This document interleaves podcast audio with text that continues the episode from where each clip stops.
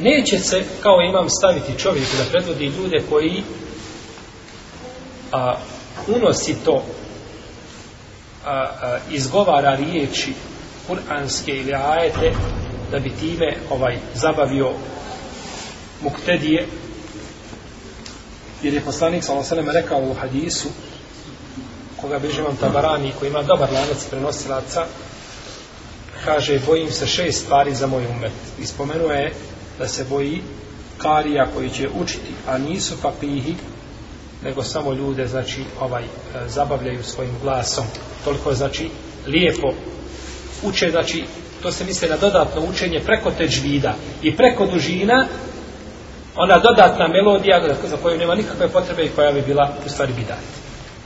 Prouči jedan ajet, pa se vrati, pa ga opet počne iz početka, pa stane na pola, pa se opet vrati iz početka. Ovaj, pa sa tri ajeta uči 15 minuta. Ili mijenja per ajet. Ili mijenja per ajete. Prouči po jednom per ajetu, na drugi per ajet, što se zove telfir, što je zabranjeno. Ako učiš po jednom per ajetu, moraš učiti od početka namaza do kraja po jednom per ajetu, a ne miješati učenja.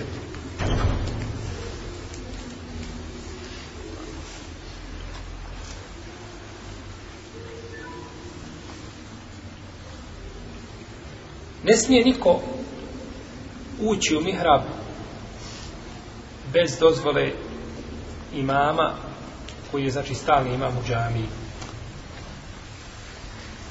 Jer poslanik sa osam rekao u kretom spomenutom hadisu Ebi Mesamuda radijallahu anhu da ne predvodi čovjek čovjeka jeli, na mjestu gdje je on odgovoran ili gdje je zadužen osim sa njegovom dozvolom.